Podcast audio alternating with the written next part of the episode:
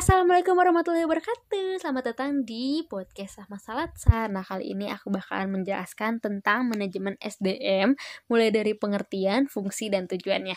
Kita langsung aja ke pengertian manajemen SDM Nah manajemen SDM ini merupakan salah satu upaya yang dilakukan oleh perusahaan untuk mengatur sumber daya manusianya. Nah, Tugas atau fokus dari MSDM ini biasanya terdapat pada kegiatan rekrutmen, pengelolaan, dan pengarahan untuk mencapai tujuan perusahaan. Nah, pada akhirnya, manajemen SDM ini nanti menghadirkan divisi Human Research.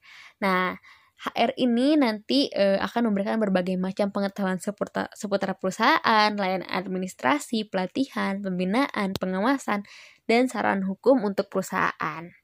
Jadi, fungsi dari divisi Human Research ini sangat dibutuhkan perusahaan untuk pencapaian tujuan organisasi.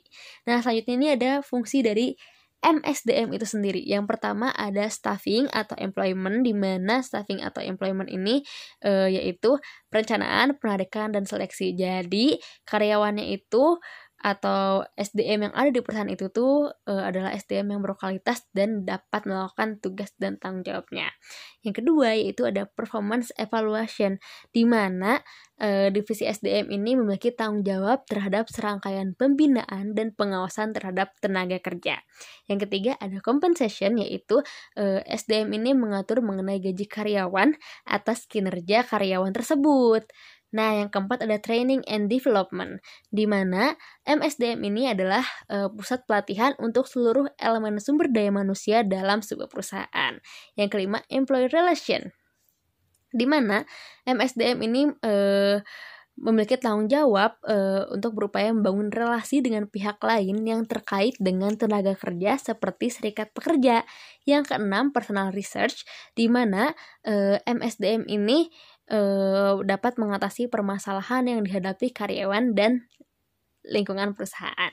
Yang ketujuh ada safety and health, di mana iklim yang kondusif serta aman dan sehat dapat membuat karyawan melakukan pekerjaan dengan maksimal. Ini merupakan salah satu tugas dan tanggung jawab MSDM, yaitu memberikan jaminan kes keselamatan kerja dan kesehatan bagi elemen sumber daya manusia dalam sebuah organisasi. Nah, tujuannya ini ada e, dikemukakan oleh Sedar Mayanti. Yang pertama ini ada tujuan sosial di mana eh, tujuan sosial dari MSDM ini yaitu pertanggungjawaban secara sosial terhadap tantangan tenaga kerja di perusahaan. Yang kedua, tujuan organisasi organisasionalnya itu yaitu dimaksudkan adalah sasaran formal yang dibuat dan disusun dengan baik yang memiliki tingkat efektivitas yang tinggi. Yang ketiga ini ada tujuan fungsional. Tujuan selanjutnya ini e, yaitu tujuan fungsional atau yang bisa disebut dengan fungsional objektif. Berdasarkan tujuan ini, MSDM perusahaan bertujuan untuk mempertahankan kontribusi elemen sumber daya manusia pada setiap bidang di perusahaan. Jadi, sumber daya manusia yang dimiliki perusahaan dipelihara dengan baik agar mereka memberikan kontribusi yang optimal untuk kelangsungan perusahaan karena kan nanti juga akan memberikan keuntungan e, bagi perusahaan tersebut ya kan. Nah, dan ini adalah tujuan yang terakhir yaitu tujuan pribadi atau individual, di mana setiap manajemen manajer maksud saya khususnya SDM yang diberikan wewenang memperhatikan tujuan pribadi atau individu kepada sumber daya manusia.